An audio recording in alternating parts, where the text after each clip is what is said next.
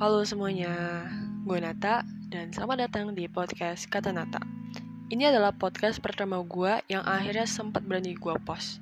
Awalnya gue udah lama banget berencana buat podcast seperti ini sejak dari kelas 12 SMA, cuma masih belum berani dan gak punya temen buat diajak duet bareng. Dan lagian juga gue pada saat itu masih sibuk-sibuk banget buat ujian, ngejar SBMPTN, buat masuk universitas, dan akhirnya ya gagal.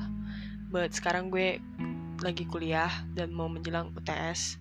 So, semoga ini menjadi hal yang bermanfaat bagi kita semua. Apabila ada hal yang gak penting, lebih baik buang jauh-jauh dan ambil aja hikmah yang baiknya gitu.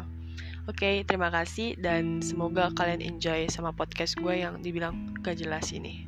Oke, okay, bye.